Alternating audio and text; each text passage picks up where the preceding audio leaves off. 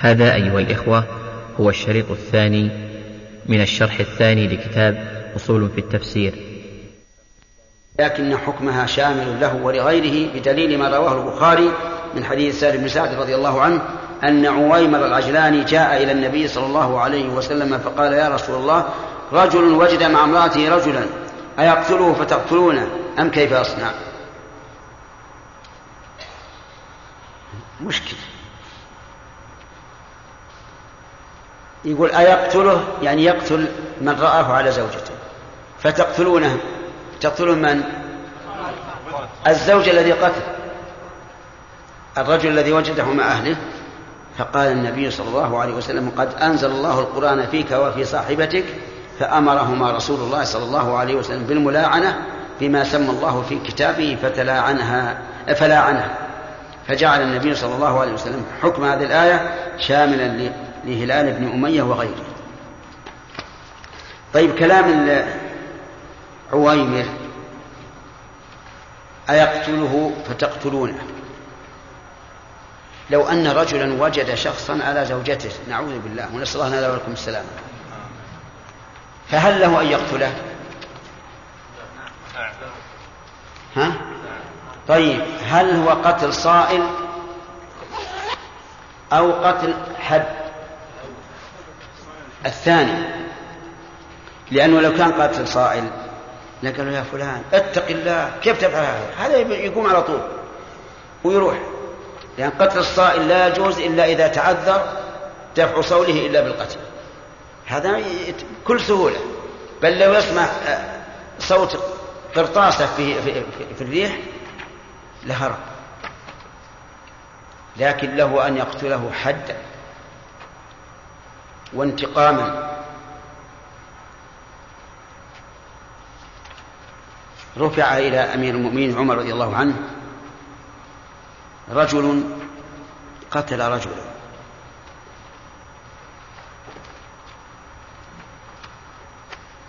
فتخاصموا عند عمر. فقال يا أمير المؤمنين والله ما ضربت إلا بين فخذي زوجتي. فإن كان بين فخذيها رجل فأنا قتلته.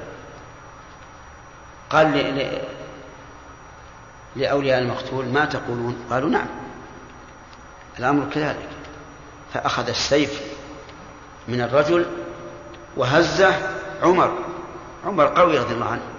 هزه وقال إن عادوا فعد. يعني إن أحد جاء امرأتك ثانية فالقتل. فلهذا كان القول الراجح أن أن قتله من باب الحد وحماية العرض فلك قتله. لكن المشكل إذا ادعى أولياء المقتول أنه ما فعل.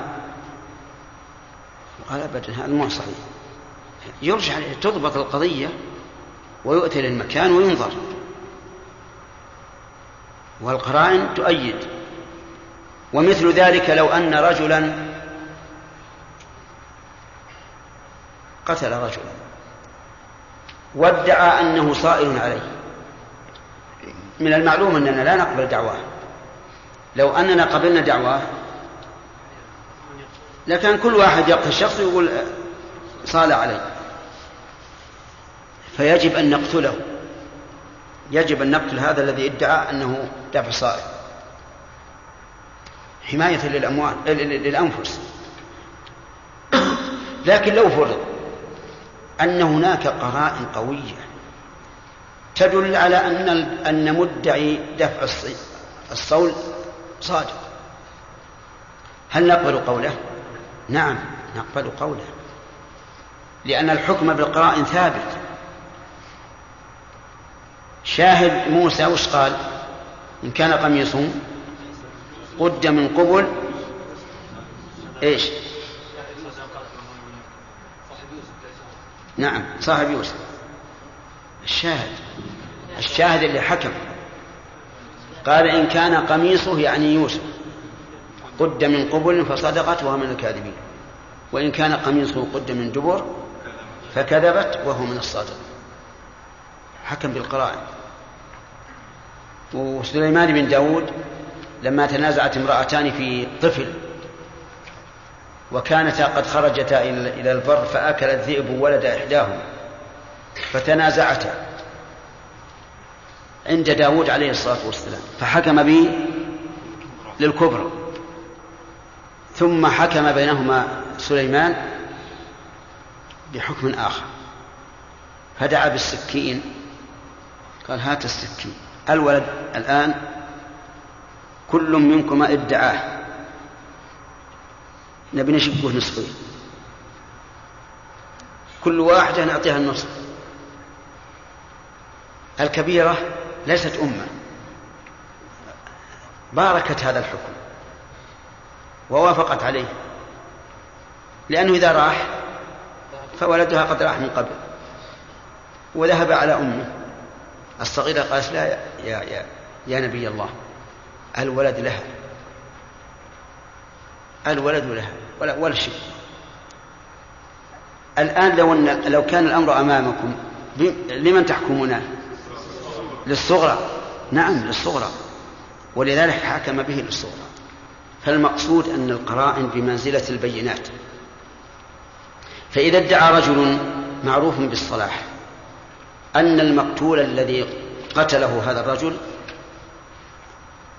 معروف بالفساد والصيانة ولا سيما إن سبق توعد المقتول بقتل الذي قتله فلا شك أن نحكم بصدق من قال إنه قتله إيش؟ دفاعا عن نفسه. والله الموفق نسأل الله ولكم السلام نعم.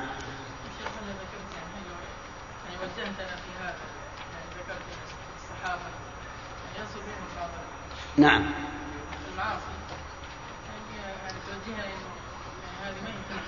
إيش؟ وقوعهم في المعاصي حجه لنا أو يعني بعض الناس يعني يقولون ان ها. أي. أي نعم. ما ما ما ننكر هذا. الواجب القول ولو على أنفسنا. القول بالحق ولو على أنفسنا. لكن الصحابة كما ذكرت لكم عندهم ما ما يبرئهم من هذه الذنوب. إما توبة نصوح وإما عمل مشكور وإن الحسنات يذهبن السيئات. ونقول لمن احتج بسم الله الرحمن الرحيم. ماعز رضي الله عنه حصل منه الزنا وأقر.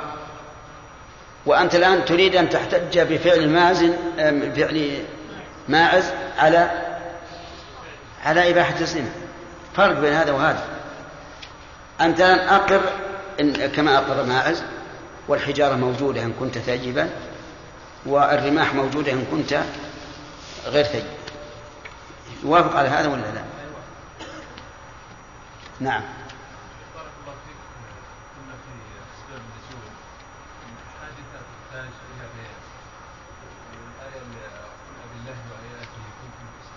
ورسوله يعني بعض الناس يستهزئ بصاحب اللحيه يستهزئ نعم. لا ما يدخل في هذا. لأن كثيرا من هؤلاء إنما يستهزئون بالفاعل لا بالفعل. ولذلك لو كانت اللحية على رجل يوقرونه أو عالم أو ما أشبه ذلك ما استهزأوا به. ولو كان الثوب القصير على عالم أو إنسان مبجل عندهم ما استهزأوا ففرق بين الذي يستهزئ بالفعل والذي يستهزئ بالفاعل. إن كان يستهزئ بالرجل بقطع النظر عن الفعل لكن يقول هذا غير قابل عليه. فهذا لا يكفر. ولو بين. لأنه هل كل من رفع ثوبه أو أعفى لحيته هل يكون في قلبه من اليقين ما لا يستحق أن يوصف بالعيب؟ ما هو على كل حال. بعض الناس الذين يظهر منهم الصلاح يذكر عنهم أشياء يشيب منها الرأس. تم؟ نعم. اقرأ. بسم الله الرحمن الرحيم الحمد لله رب العالمين والصلاة والسلام على قال الله تعالى نزل القرآن على النبي صلى الله عليه وسلم مفرقا في سنة رسول الله صلى الله عليه وسلم أكثرها بمكة قال الله تعالى وقرآنا فرقناه لتقرأه على الناس على مكة ونزلناه تنزيلا. ولذلك قسم العلماء رحمهم الله تعالى القرآن إلى قسمين مكي ومدني والمكي ما نزل على النبي صلى الله عليه وسلم قبل هجرته إلى المدينة. والمدني ما نزل على النبي صلى الله عليه وسلم بعد هجرته إلى المدينة. وعلى هذا فقوله تعالى اليوم أكملت لكم دينكم وأتممت عليكم نعمتي ورضيت لكم الدين من القسم المدني وإن كان قد نزل على النبي وإن كانت قد نزلت قد نزلت على النبي صلى الله عليه وسلم في حجة الوداع في حجة الوداع. في في نعم. الوداع بعرفة وفي صحيح البخاري عن عمر رضي الله عنه أنه قال قد عرفنا ذلك اليوم والمكان الذي نزلت فيه على النبي صلى الله عليه وسلم نزلت وهو قائم بعرفة يوم الجمعة. يوم جمعة. يوم الجمعة ويتميز القسم بس يكفي بسم الله الرحمن الرحيم. الحمد لله رب العالمين وصلى الله وسلم على نبينا محمد وعلى آله وصحبه أجمعين. سبق لنا أنه إذا ورد وردت آيات على سبب خاص فالعبرة بعموم اللفظ لا بخصوص السبب. فما هو الدليل الذي يؤيد هذه القاعدة؟ نعم.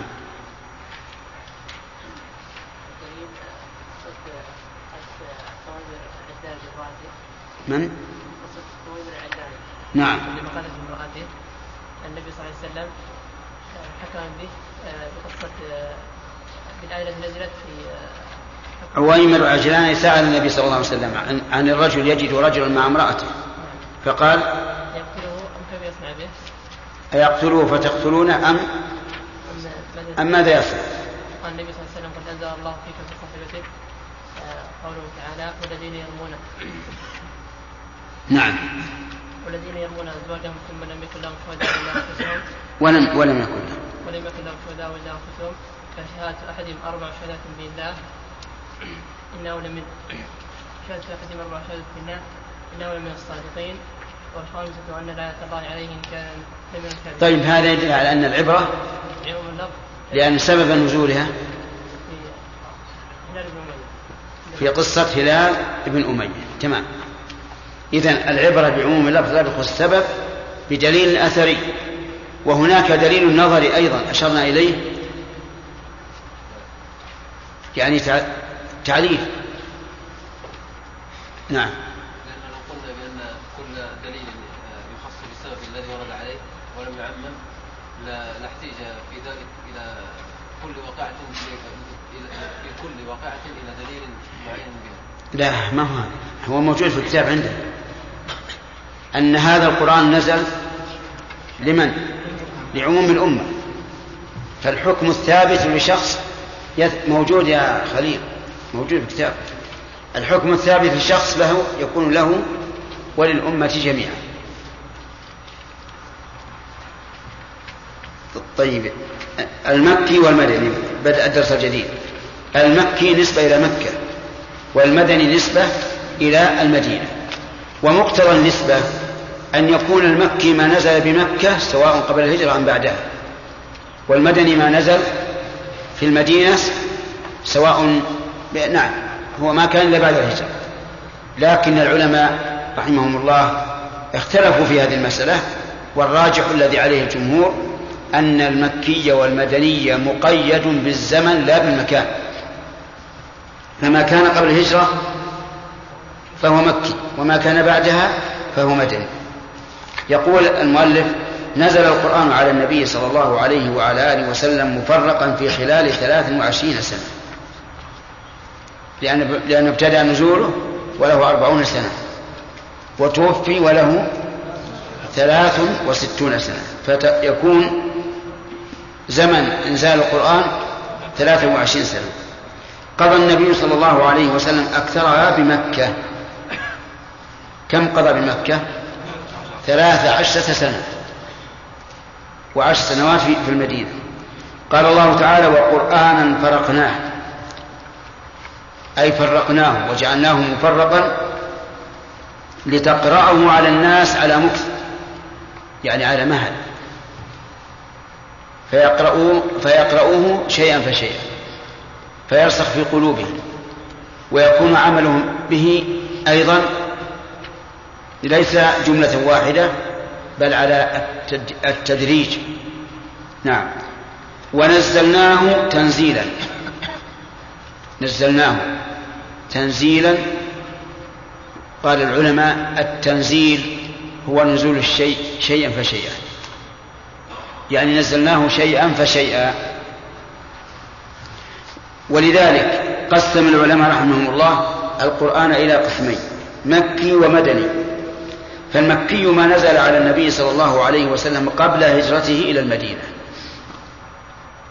هذا مكي. المدني ما نزل على النبي صلى الله عليه وسلم بعد هجرته إلى المدينة. هذا هو الضابط. وهو ضابط جامع مانع. ولكن هل الصورة يمكن أن يكون فيها مكي ومدني؟ نعم. قال بعض العلماء يمكن وأكثر بعض العلماء من ذلك.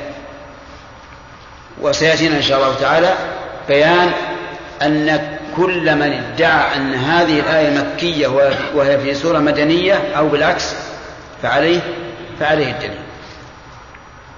وعلى هذا فقوله تعالى اليوم أكملت لكم دينكم وأتممت عليكم نعمتي ورضيت لكم الإسلام دينا من القسم المدني وإن كان قد نزل على النبي صل... وإن كانت قد نزلت على النبي صلى الله عليه وسلم في حجة الوداع بعرفة. قول اليوم أكملت لكم دينكم. اليوم ال هنا للعهد الحضوري. أكملت لكم دينكم يعني جعلته كاملا.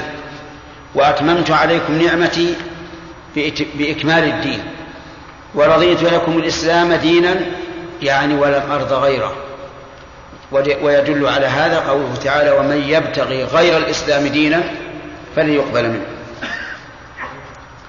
يقول من القسم المدني وإن كانت قد نزلت على النبي صلى الله عليه وسلم في حجة الوداع بعرفة. ففي صحيح البخاري عن عمر بن الخطاب رضي الله عنه قال قد عرفنا ذلك اليوم والمكان الذي نزلت فيه على النبي صلى الله عليه وسلم نزلت وهو قائم بعرفة يوم جمعة.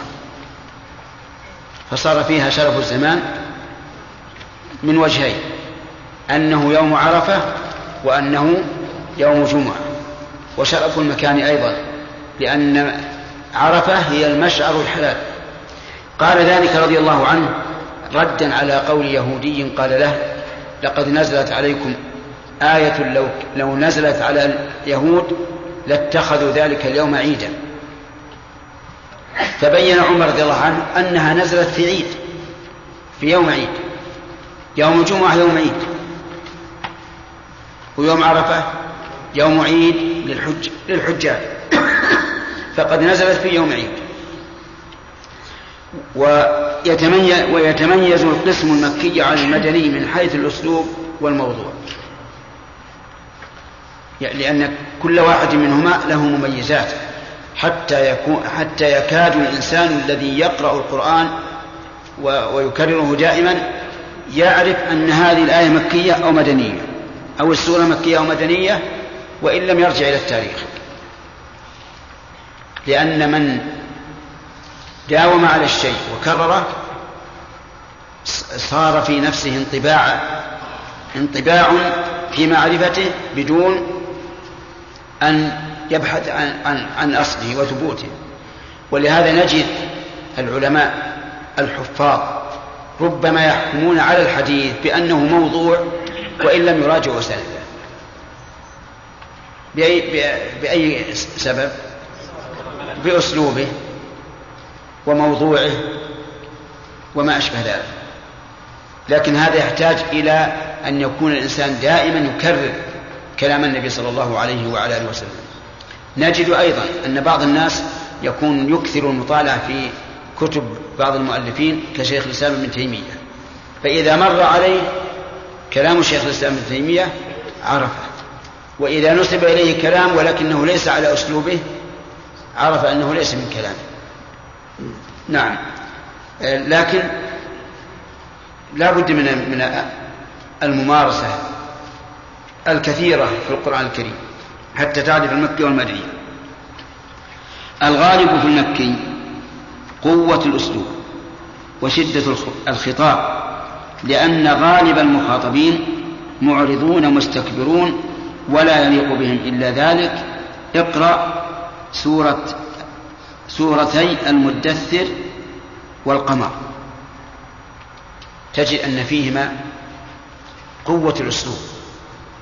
وشدة الخطاب. فإذا نقر في النقور فذلك يومئذ يوم عسير على الكافرين غير يسير.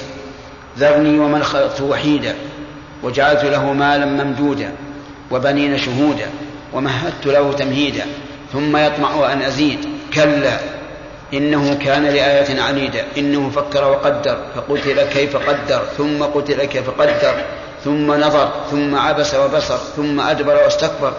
يعني كلمات كأنها آه، شظايا نار من شدتها. سأصليه سقر. وما أدراك ما سقر. لا تبقي ولا تذر. لواحة للبشر.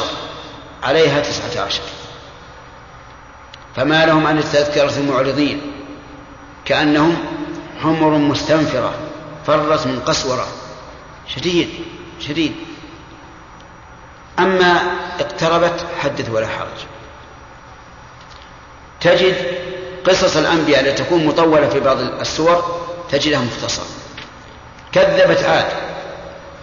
فكيف كان عذابي ونذر إنا أرسلنا عليهم ريحا صرصرا في يوم نحس مستمر تنزع الناس كأنهم أعجاز نخل منقعر كذبت قبلهم قوم نوح فكذبوا عبدنا وقالوا مجنون. وازدجر فدعا ربه أني مغلوب فانتصر ففتحنا أبواب السماء أو قال فتحنا قراءة أخرى أبواب السماء بماء منهمر وفجرنا الأرض عيونا. لم يقل فجرنا عيونا في الأرض الأرض كلها كانت عيون تنبع. ما فيها ولا شبع إلا ينبع ماء. حتى التنور الذي محل الإيقاد وأبعد ما يكون عن الماء صار يفور. كلمات عظيمة. إنا كل شيء خلقناه بقدر وما أمرنا إلا واحدة كلمح بالبصر. ولقد أهلكنا أشياعكم فهل من مدكر. إن المجرمين في ضلال وسعر يوم يسحبون في النار على وجوههم ذوقوا مس سقر. وهكذا. هذا الأسلوب الشديد العظيم يناسب لحال المشركين لأنهم أشداء على المؤمنين مستكبرون عن طاعة رب العالمين. ولكل مقام مقال. ولهذا أنت في مخاطبتك للناس العادية تخاطب هذا باللين وذاك بالقسوة حسب ما يقتضيه المقام والحال. هذا واحد. الغالب في المكي إذن إيش؟ قوة الأسلوب وشدة الخطاب وكلمات عظيمة جدا تهد الجبال. أيضا أنا أما المدني فالغالب في أسلوبه اللين والسهولة وسهولة الخطاب لأن غالب المخاطبين مقبلون منقادون. المدني يخاطب المهاجرين. المهاجرون عندهم استكبار؟ لا ما عندهم استكبار. عندهم القبول والإذعان فصار المناسب في مخاطبتهم إيش؟ اللين. ولهذا تجد الآيات المدنية تجد الآيات المدنية التي يخاطب الله بها اليهود تجد شديدة. لعن الذين كفروا من بني إسرائيل على لسان داود وعيسى بن مريم ذلك بما عصوا وكانوا يعتدون إلى آخره. لكل مقام له له مقال. وهذا من براءة القرآن.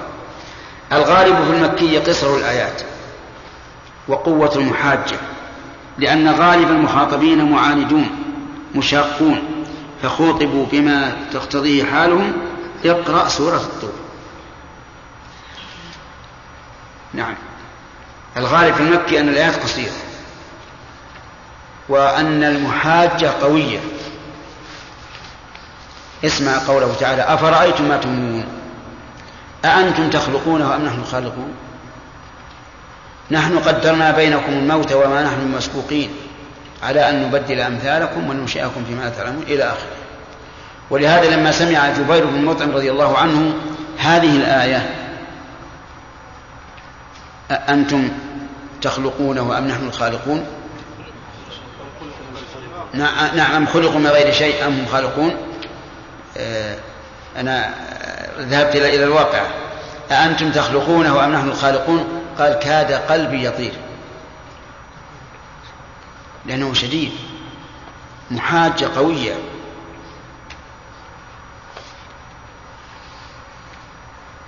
آخرها آه، أأنتم تخلقونه أم نحن الخالقون؟ إيش؟ أم خلقوا من غير شيء. أم هم الخالقون؟ أم خلقوا السماوات والأرض؟ بل لا يوقنون. أم عندهم خزائن ربك؟ الأموال والنفقات؟ أم هم المسيطرون عندهم قوة السلطان؟ أم لهم سلم يستمعون فيه؟ فإن كان فليأتي مستمعهم بسلطان مبين. أم له البنات ولكم البنون؟ أم تسألهم أجرا؟ فهم من مغرم مثقلون. والرسول عليه الصلاة والسلام لا يسألهم أجرا بل يعطيهم أجرا. أليس يعطي المؤلف قلوبهم الأموال الكثيرة؟ نعم. أم عندهم الغيب فهم يكتبون؟ أم يريدون كيدا؟ إيش؟ فالذين كفروا هم المكيدون. انظر جملة اسمية مؤكدة بضمير الفصل. فالذين كفروا هم المكيدون. إنهم يكيدون كيدا وأكيد كيدا أعظم منه. سبحان الله العظيم. تجد القرآن مناسب تماما لمقتضى الحال. وهذا غاية ما يكون من البلاغة.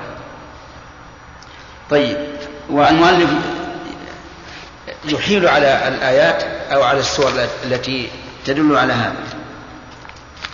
أما المدني فالغالب فيه طول الآيات وذكر الأحكام مرسلة بدون محاجة لأن حالهم تقتضي ذلك. اقرأ آية الدين في سورة البقرة. طويلة وسهلة ولا فيها إلا أحكام وتوجيه لأن لأن القوم إيش؟ منقادون مستسلمون لا يناظرون ولا يجادلون. يقول وأما من حيث الموضوع. إذا من حيث الأسلوب ذكر فقرتين الأولى والثانية. من حيث الموضوع الغالب في المكي تقرير التوحيد والعقيدة السليمة خصوصا ما يتعلق بتوحيد الألوهية والإيمان بالبعث لأن غالب المخاطبين ينكرون ذلك. ولهذا يبدئ الله عز وجل ويعيد في إثبات البعث لأن القوم ينكرونه حتى يجيء أحدهم إلى الرسول عليه الصلاة والسلام بعظام بالية يفتتها بين يديه ويقول من يحيي العظام وهي رمي من يحيي هذه؟ فقال الله عز وجل يحييها الذي أنشأها أول مرة. هذا الدليل. لأن القادر على ابتدائها قادر على إعادتها كما قال عز وجل وهو الذي يبدأ الخلق ثم يعيده وهو أهون عليه. وهو بكل خلق عليم. هذا دليل آخر. الذي جعل لكم من الشجر الأخضر نارا. هذا دليل ثالث. وجه الدلالة أن الشجر الأخضر يا أخواني الشجر الأخضر فيه حرارة آه نعم فيه رطوبة وبرودة. تتولد من الرطوبة والبرودة حرارة ويبوسة هذا من أعظم ما يكون من القدر. ثم أكد قال فإذا أنتم منه توقدون ولا يمكنكم إنكار هذا. أنتم تستعملونه توقدون منه. أوليس الذي خلق السماوات والأرض بقادر على أن يخلق مثلهم؟ الجواب؟ بلى. أيضا هذا دليل رابع. وهو الخلاق العليم دليل خامس. إنما أمره إذا أراد شيئا أن يقول له كن فيكون.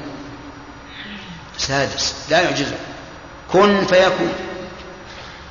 وانظر إلى القدرة العظيمة الإلهية أنها زجرة واحدة تقيم الناس من قبورهم فإذا هم جميع لد... يقول الله عز وجل فإذا هم جميع لدينا محضرون. كلهم ما يتخلف أحد. زجرة واحدة كلمة. وهل يتباطأ المفعول؟ وما أمرنا إلا واحدة. كلمح بالبصر الله أكبر. سبحان الله. أوليس الذي خلق السماوات والأرض بقادر على يخلقهم مثلا بلى وهو الخلق العليم. إنما أمره إذا أراد شيئا أن يقول له كن فيكون. هذا السابع. السادس. آه طيب. السابع والثالث. فسبحان الذي بيده ملكوت كل شيء. والذي بيده ملكوت كل شيء منزه عن العجز عن التصرف فيه. فسبحان الذي بيده ملكوت كل شيء وإليه ترجعون. هذا أيضا دليل.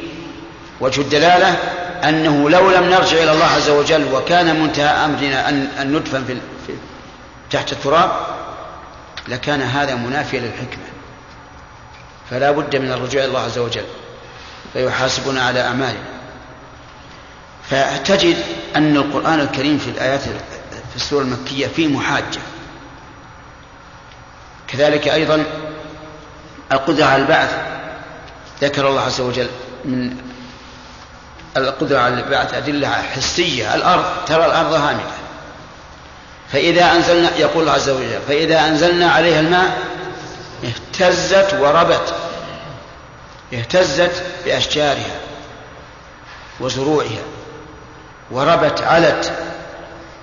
قيل إن علوها هو قشرة الأرض يدفعها النبات. وقيل إن علوها علو النبات. إن الذي أحياها إيه؟ لمحيي الموتى. إنه على كل شيء قدير.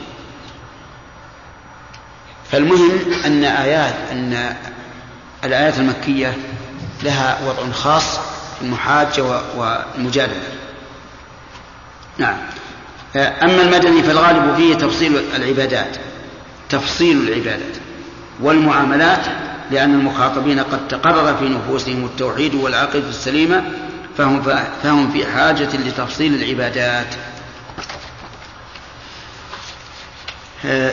ثانيا الإفاضة في ذكر الجهاد وأحكامه والمنافقين وأحوالهم في القسم المدني لاقتضاء حال ذلك حيث شرع الجهاد وظهر النفاق بخلاف القسم المكي. ما عليك يا محمد خليل. واحد يصلح لمبات. طيب. الإفاضة في ذكر الجهاد وأحكامه وذكر المنافقين وأحوالهم. هذا في أي الصور؟ المدنية. لأن المقام يقتضي هذا. قد يشير الله عز وجل في المكي إلى ذكر النفاق لكن لا يسهب فيه ولا يطول وإنما يكون ذلك في القسم المدني. أما النتيجة والثمرة من معرفة المكي والمدني. ذكر المؤلف قال معرفة المكي والمدني نوع من أنواع علوم القرآن المهمة وذلك لأن فيها فوائد منها ظهور بلاغة القرآن في أعلى مراتبها حيث يخاطب كل قوم بما تقتضيه حالهم من قوة وشدة أو لين وسهولة. وهذه هي البلاغة. ولهذا فسر علماء البلاغة أن البلاغة مطابقة الحال الكلام لمقتضى الحال. هذه البلاغة. والفصاحة موافقته لقواعد اللغة العربية. فالقرآن الكريم لا شك أنه يأتي مطابقا لمقتضى الحال. وذلك بمعرفة المكي والمدني. ثانيا ظهور حكمة التشريع في أسماء غاياته. حيث يتدرج شيئا فشيئا بحسب بحسب الأمم ها؟ كيف؟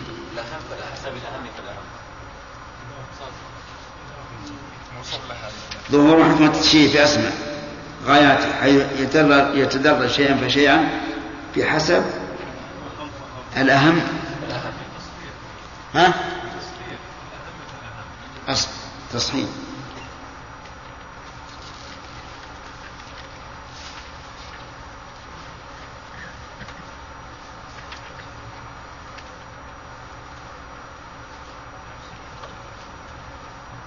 نعم. التدرج آه، شيئا فشيئا بحسب الأهم فالأهم. وهذا من حكمة الله عز وجل. لأن الناس لو أتاهم الشرع جملة واحدة لشق عليهم ذلك. فلا بد أن يأتيهم شيئا فشيئا. وما هي الحكمة؟ أن نبدأ بالأهم فالأهم أو بالمهم دون الأهم. أجيبوا الأول. الأول هو الحكمة. انتبه يا رجل. ترى كون الإنسان يعبث بلحيته هكذا وأيضا اللي يعبث بلحيته هكذا وش عليه؟ نعم. يدل على أنه يخابر من برا. طيب. يقول الحكمة في التشريع أن نبدأ بالأهم في الأهم. فهل ينطبق هذا على حال المدعو الآن؟ بمعنى إذا رأينا شخصا عنده منكرات متعددة منكرات متعددة هل نبدأ بالأهم؟ بنصيحته عن الأهم فالأهم نعم. بالأهم في الأهم. حتى أيضا في الأوامر. ما نعطيها الأوامر جملة. نعطيها الأوامر شيئا فشيئا. حتى يلين ومن ذلك لو أن رجلا ذهب إلى قوم يدعوهم إلى الله عز وجل. ورأى ما هم عليه من البدع والخرافات والأشياء. فأراد أن يتكلم بأشياء يطمئنون إليها. أولا مثل أن يتكلم عن الصلاة عن الجنة عن النار أشياء متفق عليها. حتى تلين قلوبهم لموعظته. أو يبدأ من الأول يقول أيها المبتدعون المخالفون الضالون كل بدعة ضلالة. أيهن؟ الأول. لأنه لو بدأ بمهاجمتهن ما قبلوا منه. وانظر إلى قوله تعالى ولا تسبوا الذين يدعون من دون الله فيسبوا الله. ابدأ بالشيء المتفق عليه أولا الذي لا يكون فيه معارضة. وفتح لهم أبواب العلم التي أعطاك الله حتى يعرفوا أنك رجل عالم ويقبل ويقبل منك. إيه نعم يبدأ بالأهم فالآن ثانيا تربية الدعاة إلى الله ما شاء الله موجودة. تربية الدعاة إلى الله تعالى وتوجيههم إلى أن يتبعوا ما سلكه القرآن في الأسلوب والموضوع من حيث المخاطبين. بحيث يبدأ بالأهم فالأهم وتستعمل الشدة في موضعها والسهولة في موضعها والإنسان الحكيم الذي أتاه الله الحكمة ومن يؤتى الحكمة فقد أوتي خيرا كثيرا يعرف كيف يتصرف. انظر إلى حال الرسول صلى الله عليه وسلم ينزل الجاهل منزلته وما يظهر منه العناد منزلته. جاء رجل أعرابي أعرابي فاحتاج إلى قضاء الحاجة فتنحى ناحية في المسجد وجعل يبول. يظن أن المسجد كالبر كالخلاء. فصاح به الناس وزجروه فنهاهم النبي صلى الله عليه وسلم. قال لا تزرموه يعني دعوه يقضي بوله. فلما قضى بوله أمر النبي صلى الله عليه وسلم أن يراق على بوله ذنوب من ماء. فزالت المفسدة التي حصلت من فعلها. اجلس يا عبد الله. زالت المفسدة من أجل من من من هذا البول بتطهيره ثم دعا الرجل وقال له إن هذه المساجد لا يصلح فيها شيء من القدر. إنما هي التسبيح والتكبير وقراءة القرآن والصلاة أو كما قال. ماذا قال الأعرابي؟ الأعرابي انشرح صدره.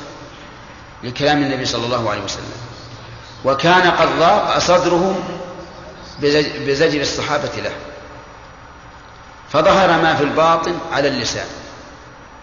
وقال اللهم ارحمني ومحمدا ولا ترحم معنا أحدا ضيق الرحمة الواسعة التي وسعت كل شيء لأن هؤلاء ضيقوا صدره. الصحابة. لكن الصحابة معذورون لأن هذا منكر. يجب إنكاره. إلا أن الحكمة فيما فعل الرسول عليه الصلاة والسلام.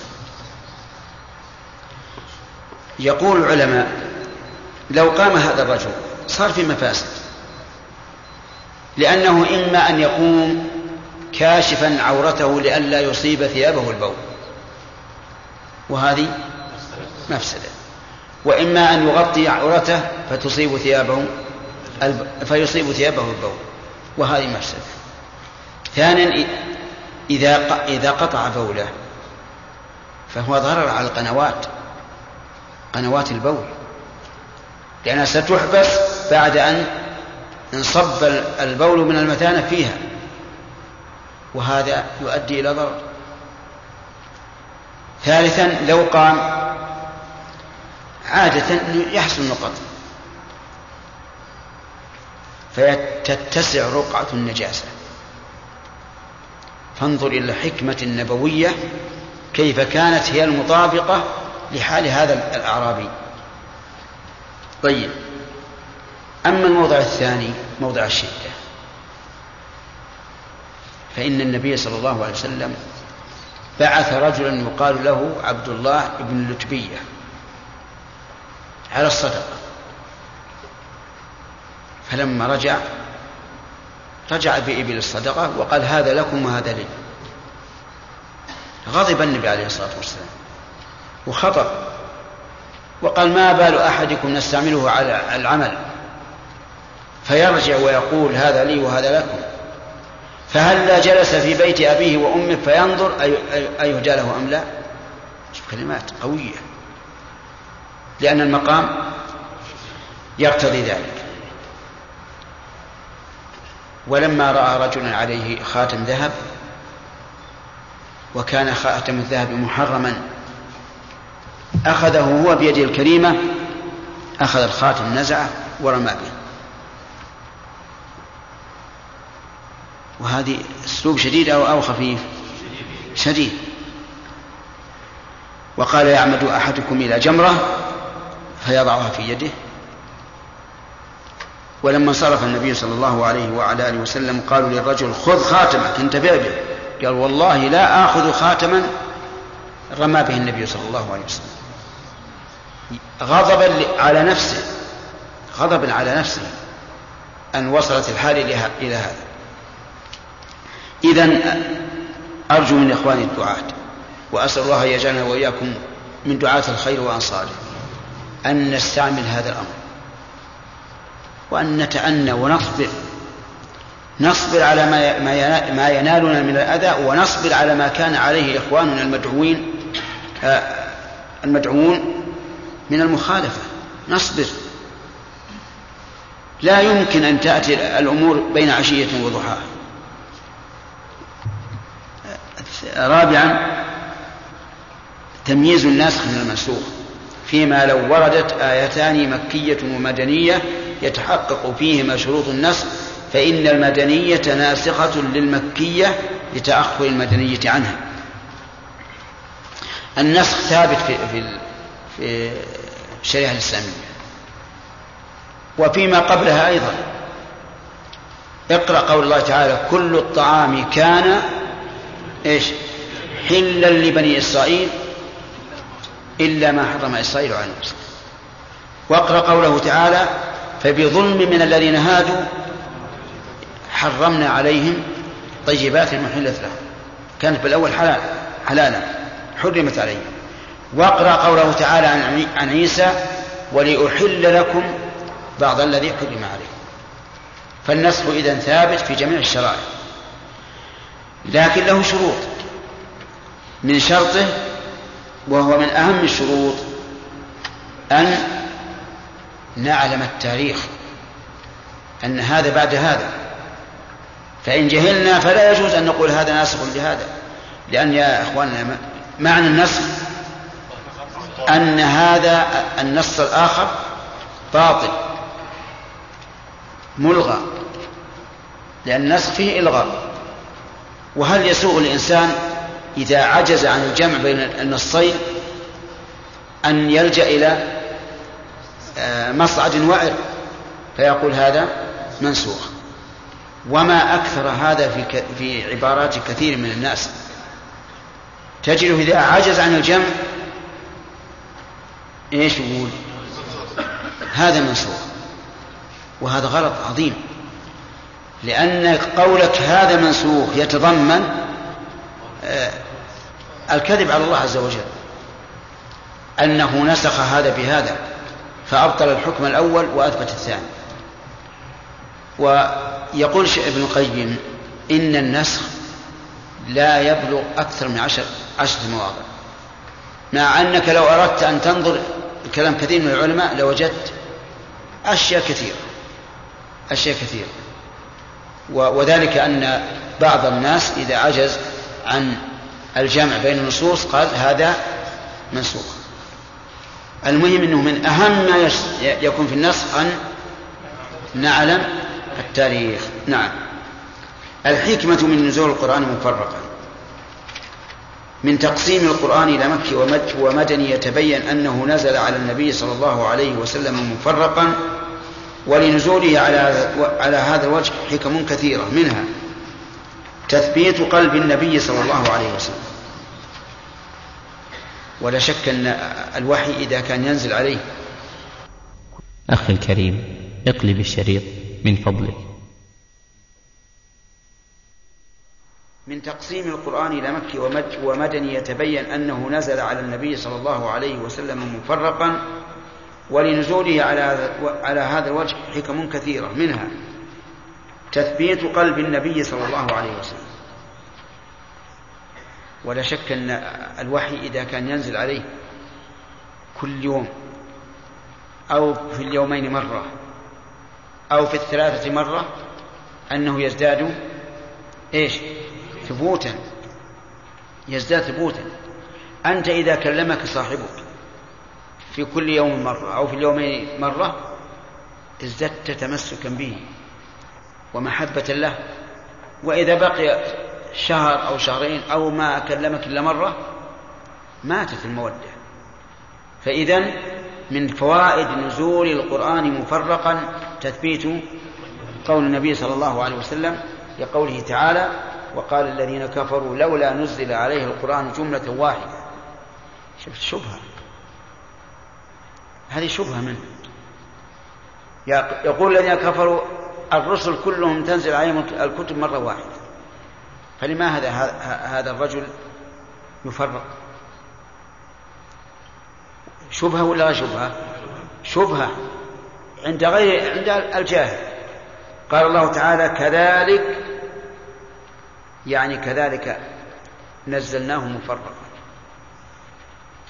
ولهذا يحسن أن تقف على قولك على قوله جملة واحدة.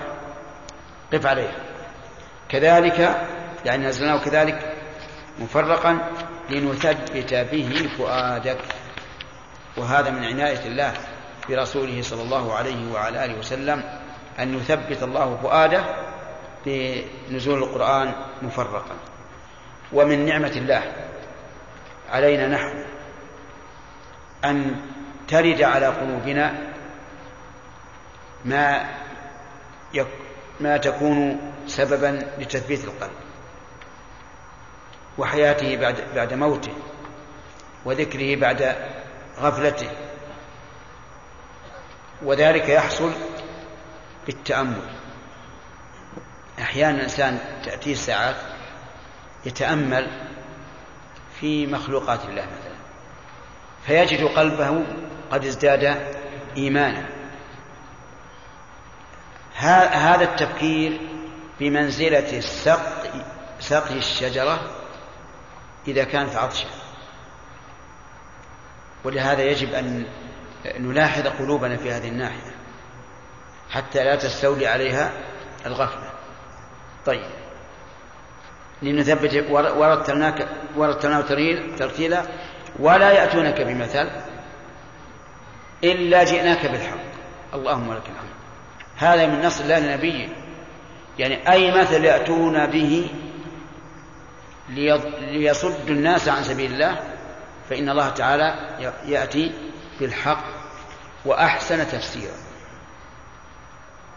أحسن تفسيرا أي بيانا ووضوحا.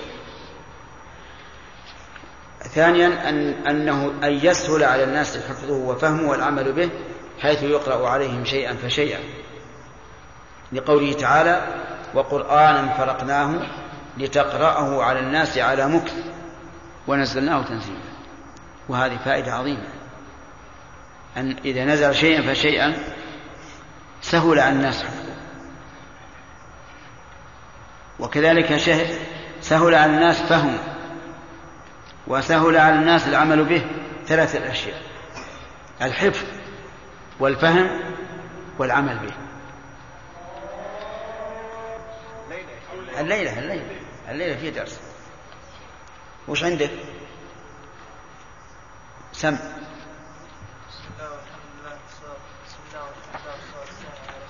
أنا قرأت مرة قبل قليل لكن خير إن شاء الله. نعم. قال المؤلف رحمه الله تعالى في كتابه اصول الكرسي من الحكمه من نزول القرآن الكريم مفرقا تنشيط الإمام لقبول ما نزل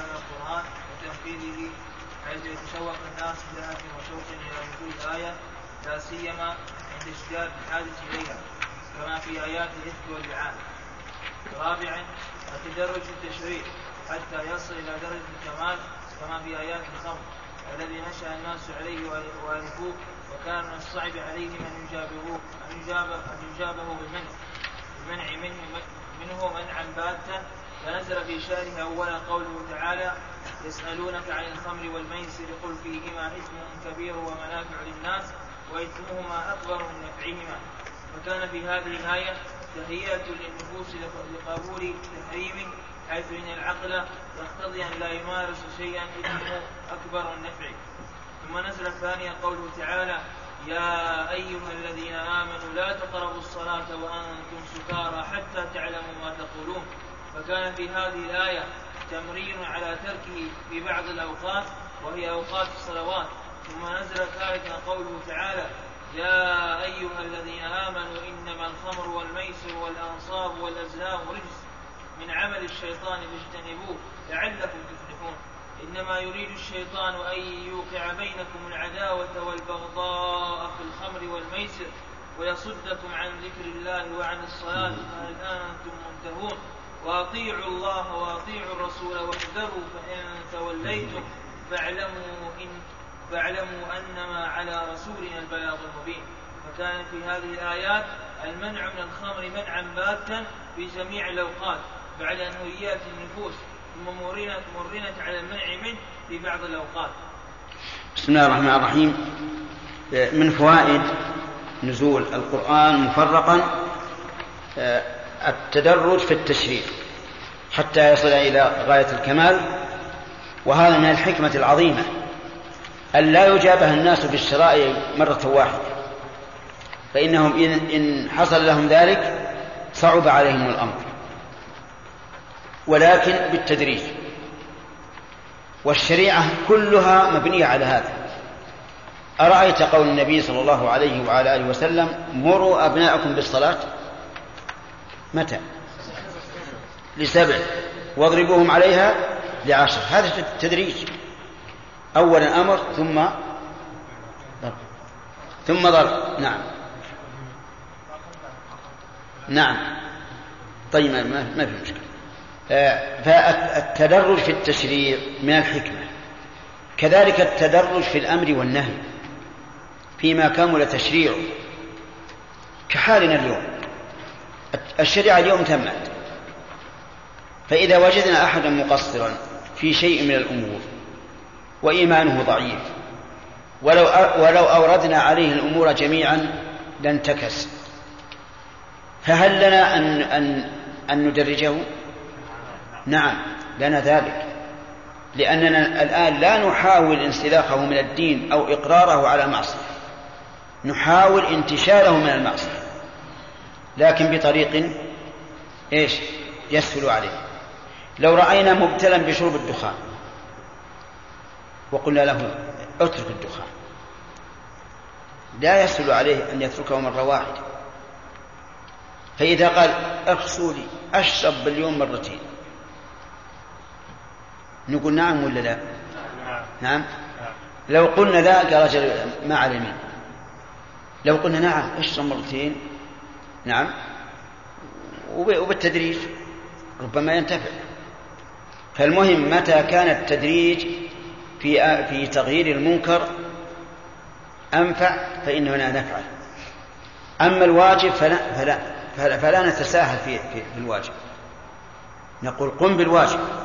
لو قال مثلا لو قال اسمحوا لي أصلي الظهر والعصر والمغرب والعشاء والفجر.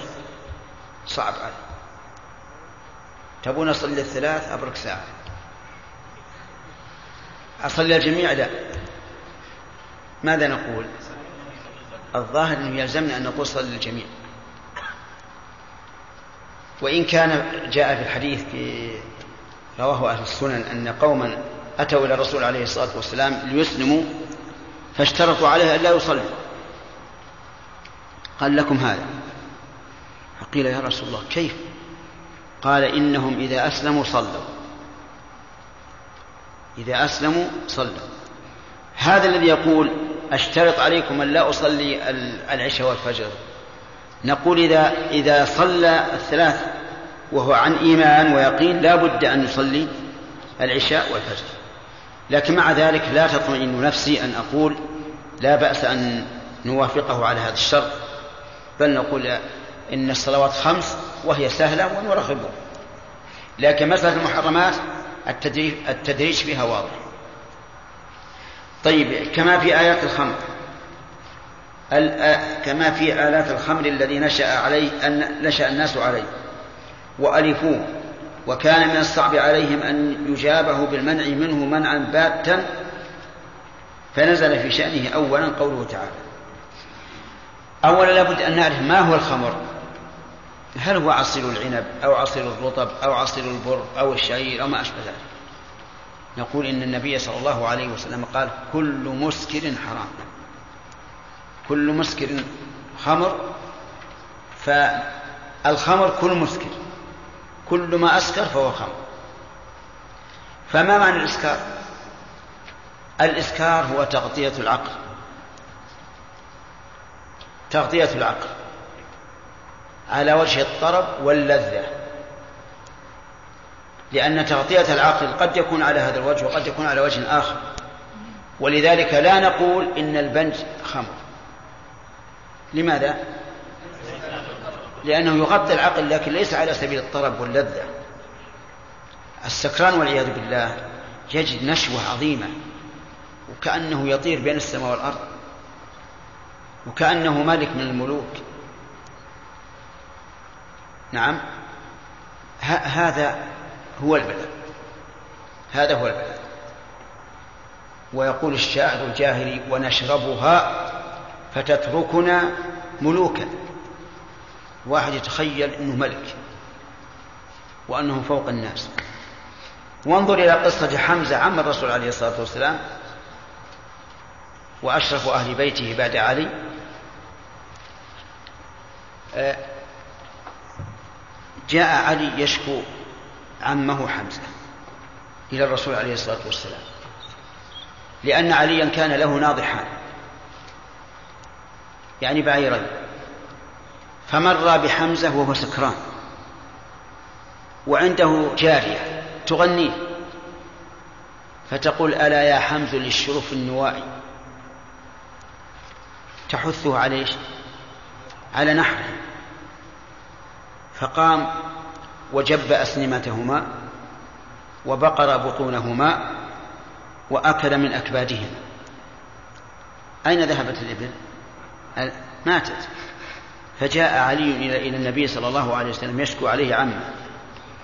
فذهب النبي صلى الله عليه وسلم إليه ومعه ناس لما أقبل عليه وإذا هو قد ثمل سكر. فقال ما يا عم ما هذا؟ قال اذهب. فهل أنتم إلا عبيد أبي؟ من يعني؟ الرسول صلى الله عليه وسلم وأصحابه وعلي بن أبي طالب والقرابة. هل أنتم إلا عبيد أبي؟ فتراجع النبي عليه الصلاة والسلام. لأن هذا القول لو قاله عن صحوة لكان كفرا. لكان كفرا. لأنه في غاية ما يكون من الإذلال للرسول عليه الصلاة والسلام. لكنه عرف أنه سكران لا يؤخذ بقوله. إذا الخمر يغطي العقل على وجه اللذة والارتفاع والسلطان والنشوة. كان حلالا في أول الإسلام لأن الله أقرهم عليه. وقيل إنه كان حلالا بقوله تعالى ومن ثمرات النخيل والأعناب تتخذون منه سكرا. وأن هذا إباحة لهم صريحة أنزل الله فيه قوله تعالى يسألونك عن الخمر والميسر. يعني عن حكمهما. قال الله تعالى قل فيهما إثم كبير ومنافع للناس وإثمهما أكبر من نفعهما. ولم يقل حرام عرض عرض. عرض عز وجل بتحريمهم. إثم كبير ومنافع للناس. وهذا ليس تحريما لأن الله قال إثمهما أكبر من نفعهما ولم يقل فاجتنبوهما. طيب. وتأمل قوله إثم كبير ومنافع. منافع صيغة جمع. صيغة منتهى الجموع. والإثم واحد. لكنه بالكيفية أشد من من من قوله منافع. لأن منافع من حيث الكمية أكثر. والإثم الكبير من حيث الكيفية أعظم. ولهذا قال إثمهما أكبر من نفعهما. ولم يقل أكثر لأن هذا في الكيفية لا في الكمية. طيب عرفنا الخمر. فما هو الميسر؟ الميسر هو القمار وهو كل معاملة يكون فيها الإنسان بين غارم أو غارم أو غانم. كل معاملة يكون الإنسان فيها بين غانم وغارم فهي إيش؟ ميسر. طيب فكان في هذه الآية تهيئة تهيئة للنفوس لقبول تحريمه حيث أن العقل أو حيث إن العقل. نعم. إن. لأن إن إذا وقعت بعد حيث فإنها مكسورة إذ أنها تكون في صدر جملتها. حيث إن مكتوبة عندنا أن. حيث إن العقل يقتضي أن لا يمارس شيئا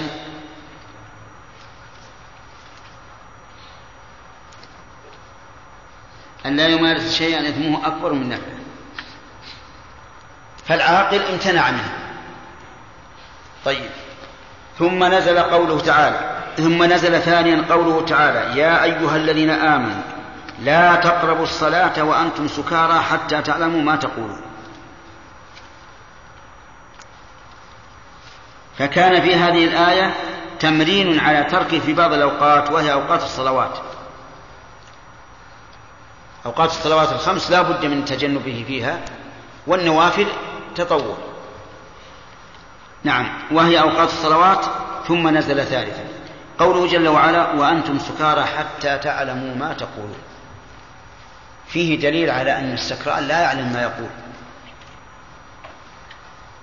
فيستفاد منه فوائد كثيرة. منها لو أن السكران أعتق جميع عبيده. أيعتقون ليش؟ لا يعلم ما يقول. ومنها لو طلق نساء. أيطلقن؟ لا لأنه لا يعلم ما يقول. ومنها لو أوقف أمواله. لا ينفذ لأنه لا يعلم ما يقول. ويقاس عليه الغضبان إذا كان لا يعلم ما يقول من شدة الغضب. فإنه يلحق بذلك. ولهذا كان القول الراجح أن طلاق الغضبان الذي لا يعلم ما يقول لا يعقل طيب. ويؤخذ من هذا أنه يجب أن أن يصلي وهو يعلم ما يقول. فيكون في هذا دليل على وجوب الخشوع في الصلاة. وهو إحضار القلب.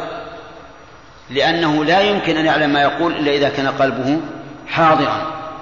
فإن لم يكن حاضرا صار ركوعه وسجوده وتسبيحه وقرآنه من غير قصد. بل هو عبارة عن آلة ميكانيكية. وقد ذهب إلى هذا بعض العلماء وقال إنه إذا غلب الوسواس يعني الهواجيس على أكثر الصلاة فإنها تبطل. فإنها تبطل. هل نقول على هذا القول إنه يستلزم أن تبطل صلوات الناس الآن؟ أو لا؟ لا لا يلزم. بل يلزم على هذا القول أن الناس يستقيمون على إحضار قلوبهم. لأنه لو جاء يستفتيك وقال والله يا فلان أنا صليت لكن كل صلاتي غائب. ما استحضرت إلا التشهد الأخير. فقلت أعد الصلاة. ما ظنكم في الصلاة المقبلة؟ ها؟ أي أيوسوس أو لا؟ لا يا أخي ما, ما يوسوس إذا كان يعرف أنه إذا إذا وسوس أكثر الصلاة قيل له أعد الصلاة ما ما يوسوس.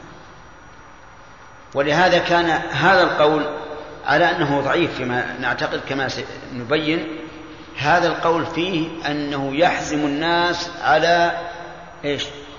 حضور القلب. لكن القول الراجح أنه لا تبطل الصلاة لأن النبي صلى الله عليه وعلى آله وسلم أخبر أن الشيطان إذا أذن المؤذن أدبر وله ضراط فإذا فرغ من الأذان أقبل على الإنسان فإذا أقيمت الصلاة ولى فإذا انتهت الإقامة حضر. وصار يقول للإنسان في صلاته اذكر كذا وكذا يعني يذكره بالأشياء. ولم يقل الرسول صلى الله عليه وسلم إن صلاته تبطل طيب المهم أن الآية هذه فيها دليل على مسائل غير مسألة الخمر والميسر. يستطيع الإنسان الذي يعطي الله فهما أن يستنبط منها أشياء كثيرة. ثم نزل قوله تعالى يا أيها الذين آمنوا لا تقربوا الصلاة وأنتم سكارى. أي حتى تعلموا ما تقولون. فكان في هذه الآية تمرين على تركه في بعض الأوقات وهي أوقات الصلوات الصلوات. ثم نزل ثالثا قوله تعالى يا أيها الذين آمنوا إنما الخمر والميسر والأنصاب والأزلام رجس من عمل الشيطان. يا أيها الذين آمنوا يقول ابن عباس ابن مسعود رضي الله عنه يقول إذا سمعت الله يقول يا أيها الذين آمنوا فأرعها سمعك يعني السمع. فإنها إما خير تؤمر به وإما شر تنهى عنه. هنا قال يا أيها الذين آمنوا. ثم قال لا تقربوا فيكون من إيش؟ من باب إيش؟ شر ينهى عنه. يا. لا كيف نعود لهذا؟ يا أيها الذين آمنوا إنما الخمر والميسر والأنصاب والإسلام إلى قوله فاجتنبوه فهو شر ينهى عنه. الخمر واضح. عرفناه. الميسر عرفناه. الأنصار ما يعبد من دون الله. الأزلام ما يستقسم به وكانوا في الجاهلية يستقسمون بالأزلام. بدل ما أن يصلوا تحية سنة الاستخارة يستقسمون بالأزلام. هنا قرن الله تعالى هذه الأربعة بحكم واحد. فهل هي متساوية في هذا الحكم؟ الجواب لا. لأن معلوم أن الأنصاب أشد من الخمر والميسر. إذ أن الأنصاب كفر. والأزلام دون الأنصاب. والميسر والخمر دونهم. وعلى هذا فيكون الاشتراك في أصل الحكم لا في نوعه وإنما قرن الله تعالى ذلك بالأنصاب التي هي عبادة الأصنام لشدة التحذير منها وأنها تنافي كمال التوحيد. نعم. وقوله رجس من عمل الشيطان رجس من عمل الشيطان. الرجس النجس. سواء كان رجسا حسيا أو رجسا معنويا. انتبه فالرجس الآن نوعان رجس حسي وهي النجاسة الحسية. رجس معنوي وهي النجاسة المعنوية. فقول الله تبارك وتعالى قل لا أجد فيما أوحي إلي محرما على طاعم يطعمه إلا أن يكون ميتة أو دما مسفوحا أو لحم خنزير فإنه رجس. أي رجسين؟ ها؟ الحسية. طيب. وقوله تعالى إنما يريد الله ليذهب عنكم الرجس أهل البيت. معنوية وقوله تعالى فاجتنبوا الرجس من الأوثان. معنوية هذه الآية رجس من عمل الشيطان. هل هي معنوية أو حسية؟ نعم. لا معنوية. معنوية يا أخواني. معنوية. ما هي حسية؟ ولهذا قيدت رجس من عمل الشيطان. فالرجس هنا معنوي وليس حسيا. بدليل هل في الميسر نجاسة حسية؟ مغالبة بالدراهم مغالبة بالأموال. هل في الأنصاب نجاسة معنوية حسية؟ لا النصب إما خشبة وإما شجرة وإما حجر نجاسة معنوية. هل في الأزلام نجاسة حسية؟ لا. هل في الخمر نجاسة حسية؟ ها؟ لا. أبدا. ما فيه دليل. على النجاسة الحسية في الخمر؟ إخراجه من بين أخواته في هذه الآية والقول بأن نجاسته حسية معنوية دون بقية أخواته غير مقبول إلا بدليل ولا دليل على نجاسة الخمر. أعني نجاسته النجاسة الحسية. أبدا فتش. وإذا لم يكن دليل على نجاسته النجاسة الحسية فهو إيش؟ فهو طاهر. لو أصاب الثياب ما ينجسها فإن قال قائل أليس هو حراما؟ فالجواب بلى. لكن هل يلزم من التحريم النجاسة؟ لا لا يلزم. فها هو السم نج... حرام. وليس بنجس. الدخان حرام وليس بنجس. فلا يلزم من التحريم النجاسة. طيب. إذا قال قائل إن الله إن الرسول سماه أم الخبائث. ونقول أم الخبائث أي الخبائث؟ المعنوية ما هي الخبائث الحسية؟ هل هو هل هو أم للبول والعذرة؟ لا. فإذا نقول ائت لنا بدليل على أن الخمر نجس نجاسة حسية وإلا فهو طاهر. ثم نقول وقد جاءت السنة ببيان طهارته. وهذا زيادة على قولنا بالأصل وهو أن الأصل الطهارة جاءت السنة ببيان طهارته. أين هي؟ حرمت الخمر. وهي في أوان الصحابة في أوانيها. وخرجوا بها إلى السوق وأراقوها. ولم يغسلوها. ولم يؤمروا بغسلها. ولو كانت نجسة لأمروا بغسلها. فإن قال قائل حكم بنجاستها بعد أن تخمرت فتكون في أول الأمر طاهرة. ولذلك لم يؤمر بغسلها نقول هذا ينتقض بلحوم الحمر. حرمت الخمر الحمر وهي تغلي ولحمها يغلي في القدور. فأمر النبي صلى الله عليه وسلم بإراقتها وكسر القدور. فقالوا يا رسول الله أو نغسلها؟ قال أو اغسلوها. فأمر بغسلها. مع أنها لم تحرم إلا بعد أن كانت في القدور. ثم نقول الصحابة رضي الله عنهم بعد أن حرمت أراقوها في الأسواق. وهل يمكن أن يراق الشيء النجس في أسواق المسلمين؟ لا يمكن. فيلوث عليهم ثيابهم وأبدانهم. ثم نقول ثالثا أتى رجل إلى رسول الله صلى الله عليه وعلى آله وسلم براوية من خمر. الراوية ما هي؟ قربة كبيرة. قل قربة كبيرة أو قربتان. خرز بعضهما ببعض أتى بالراوية راوية خمر.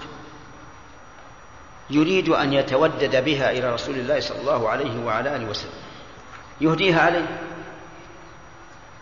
فقال الرسول عليه الصلاة والسلام إنها حرمت والمحرم لا يجوز قبوله. فتكلم معه أحد الصحابة سرا مع الرجل فقال بما سأردته يقول الرسول صلى الله عليه وسلم قال قلت يا رسول بعه فقال لا إن الله إذا حرم شيئا حرم ثمنه. ففتح الرجل فم القربة؟ بل فم الراوية وأراق الخمر بحضرة النبي صلى الله عليه وسلم. ولم يقل له اغسل الراوية. وهذا دليل واضح على عدم نجاستها لأن هذا الرجل لا يعرف ولا التحريم فضلا عن عن النجاسة. ولو كانت الخمر نجسة نجاسة حسية ها لوجب أن يعلمه الرسول عليه الصلاة والسلام لأنه جاهل. وهذه أدلة واضحة. والقول بأنها نجسة نجاسة حسية لا يقتضي أن يلزم الناس بتجنبها. يكفي أن نقول إنها نجاسة نجاسة معنوية لمن كان مؤمنا. وإلا غير المؤمن لا يهمه. إنك لترى أناسا يبولون ويقومون من البول بدون استنجاء ولا استثمار لا يهمون طيب إذن الخمر طاهرة طهارة حسية نجسة نجاسة معنوية لا شك في هذا وكيف يطهر الناس منها؟ يطهرون منها بالردع. بالردع يعني التأديب. كان الرجل يؤتى به على عهد الرسول عليه الصلاة والسلام شاربا. فيقوم الناس إليه. هذا يضربه بيده وهذا يضربه بنعله وهذا يضربه بثوبه وهذا يضربه بصوته. نحو أربعين جلدة. وفي عهد أبي بكر تقرر أربعين جلدة. وفي عهد عمر في أول خلافته تقرر أربعين جلدة. ثم كثر شرب الناس للخمر لأنهم حديث عهد بإسلام. وتعرفون أن الفتوحات بعد عمر كثرت فدخل في الدين من إيمانه ضعيف وكثر شرب الخمر. وكان من عادة أمير المؤمنين عمر رضي الله عنه على كونه صائب الرأي من من عادته أن الأمور العامة المشكلة يجمع الناس لها ليشاوروا. فجمع الناس. وقال إن الخمر قد كثر فما ترون. فقال عبد الرحمن بن عوف رضي الله عنه يا أمير المؤمنين أخف الحدود ثمانون. ماذا يعني به؟ حد القذف. أخف الحدود ثمانون فجعل عمر رضي الله عنه عقوبة الخمر إلى ثمانين وهذا مع ما سبق يدل على أن عقوبة شارب الخمر ليست حدا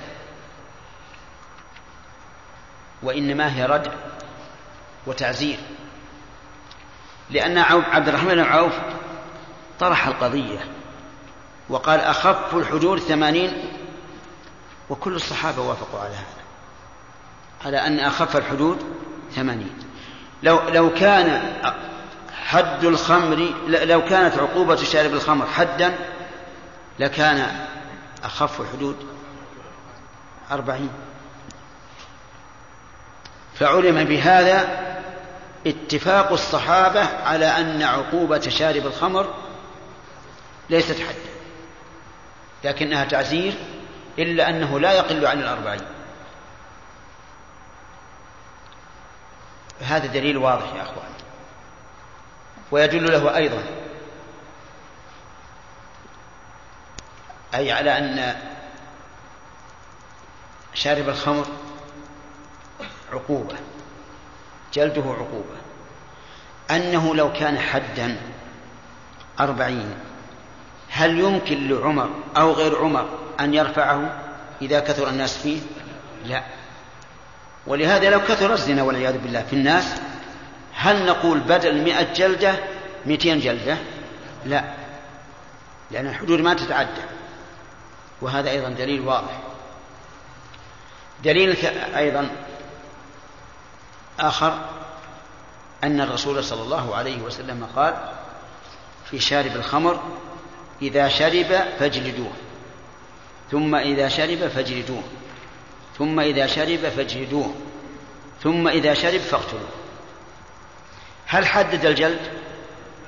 ما قال ما حدد. اجلدوه يعني الجلد الرادع. ما دام الرسول أطلق ولم يرد عنه حديث صحيح ولا ضعيف في التحديد فهو إذن عقوبة. في الرابعة يقتل. إذا جلد ثلاث مرات ولم ينتزع أو لم ينزع ما بقي لبقائه فائدة. وبقاؤه في الدنيا ضرر على نفسه. وإعدامه خير من إبقائه. فلهذا كان في الرابعة إيش؟ يقتل. وهل يقتل وجوبا أو بحسب ما يراه الإمام من المصلحة. أي الثاني. لكن ابن حزم علي بن محمد رحمه الله منجنيق العرب وسليط اللسان عفى الله عنه. أبى ذلك. وقال يقتل في الرابعة وجوبا حدا. وكيف نخالف أمر الرسول عليه الصلاة والسلام؟ والخير فيما أمر به فيقتل بكل حال. وكلامه جيد في الواقع. كلامه جيد. إذا صححنا الحديث فليس لنا بد من العمل به. والحديث صحيح. لكنه عند الجمهور منسوخ. والنسخ في هذا في هذه المسألة أبعد من الثريا عن الثرى ليش؟ يحتاج إلى العلم بالتاريخ ويحتاج إلى تعذر الجمع فأين هذا؟ أما شيخ الإسلام رحمه الله حبر زمانه ففصل قال إذا لم ينتهي الناس إلا بالقتل في الرابعة قتل فجعله عن شيخ الإسلام جعله تعزيرا راجعا إلى الإمام. وأنه إذا رأى الإمام أن الناس لا يرتدعون إلا بقتل الشارب في الرابعة فإنه يجب قتله. كلام الشيخ رحمه الله كلام جيد. كلام جيد. ولا مانع من أن يحمل الحديث على هذا لأن هذا الذي تكرر منه شرب الخمر ثلاث مرات ويجلد في كل مرة معناه ما هو منتهي. والثلاث غاية لأشياء كثيرة. الثلاث جعلها الشارع غاية لأشياء كثيرة. الاستئذان كم؟ والسلام. وإعادة الكلام لمن يفهمه. ثلاث أشياء كثيرة. فالذي يترجح عندي كلام شيخ الإسلام رحمه الله. أنه إذا لم ينتهي الناس بدون القتل في الرابعة قتل. وإذا قتلناه أحيينا أمة كثيرة وخلصناهم من شرب هذا الخبيث ومع الأسف الذي يأسف له الإنسان ويحزن أنه يوجد في البلاد الإسلامية اليوم من يحلون الخمر بإيش؟ بقولهم حلال قد لا يقول قد لا يستطيع الحاكم أن يقول حلال لأنه لو قال حلال قتله خادمه الذي عنده. ما يستطيع. لكن تمكينه من إعلان هذا الخمر ووضعه في البقالات وفي البرادات هذا بمنزلة إيش؟ استحلاله. بل هو استحلال له في الواقع لكنه استحلال عملي لا قول. أقول إن هذا يؤسف له. ولذلك مع الأسف كتب الذل الذل على من جوازاتهم مسلم مسلم. لأنه ما بقي من الإسلام إلا اسمه ولا من القرآن إلا رسمه. ولهذا كتب الذل والعار والخزي على هذه الأمة التي تتسمى بالإسلام. لو كانت مسلمة حقيقة أيلعب عليها نذل من الأنذال خبيث من الخبثاء خنزير من الخنازير نعم. رئيس دولة هم أشباه القردة والخنازير. لا.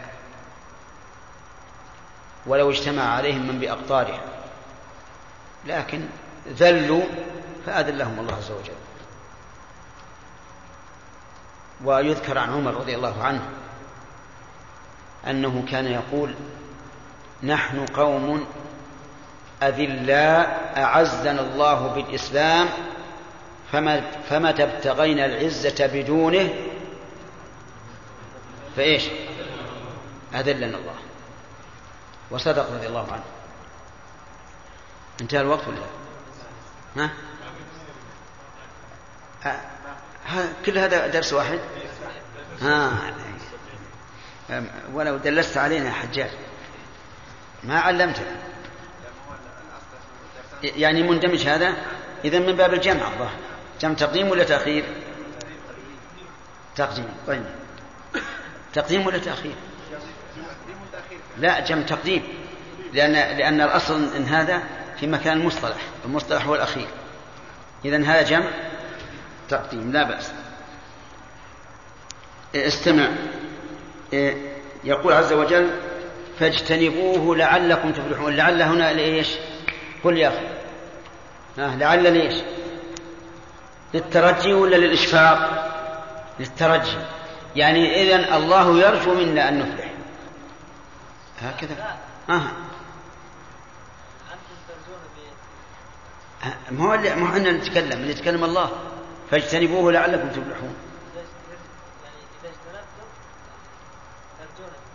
إيه نرجو لكم. اذا الله يرجو. لا. وش معناها؟ التعليل. اجتنبوه لعلكم تفلحون يعني لتفلحوا. والفلاح هو حصول المطلوب والنجاة من المرهوب. إنما يريد الشيطان شوف كيف إرادة الشيطان بنا ونحن كثير منا يتبعه. إنما يريد الشيطان أن يوقع بينكم العداوة. إذا كل عمل يوجب العداوة بيننا فهو من من وحي الشيطان وهو من مرادات الشيطان وهو من محبوبات الشيطان. أن يوقع بينكم العداوة والبغضاء في الخمر والميسر. العداوة ضد الولاية والبغضاء ضد المحبة. فلا محبة ولا ولاية وإنما هي العداوة. ولهذا تجد الشيطان يلعب ببني آدم. يلعب ببني آدم. إذا سمع من أخيه كلمة تحتمل الخير والشر يوسوس له الشيطان ويقول احملها على الشر. وقوله في الخمر والميسر أي بسببهما. فالفاء للسببية. قصدي ففي ففي للسببية. وهل تأتي في للسببية نعم كثيرا. ومنه قوله صلى الله عليه وسلم دخلت النار امرأة في هرة حبستها. في هرة يعني بسبب هرة. حبستها لا هي أطعمتها ولا هي أصابتها تكون خشية الأرض. ويصدكم عن ذكر الله الله أكبر. يصدكم عن ذكر الله. ولهذا يقول لبعض الناس إنه يلحقه الأرق عند النوم. ما ينام سريعا. فإذا شرع يسبح سبحان الله والحمد لله والله أكبر نام على طول. جاء أتى الشيطان له بالنوم. ليش؟ ليصده عن ذكر الله. وهذا واقع حتى في غير هذه الحال. الشيطان حريص منا أن يصدنا عن ذكر الله. وقد لا يصدنا عن الذكر باللسان ولكن يصدنا عن الذكر بالجنان بالقلب. وهذا هو البلاء. وقوله وعن الصلاة. طيب والصلاة ما هي بذكر يا سامي وين أنت رايح؟ معنا؟ وش قلنا؟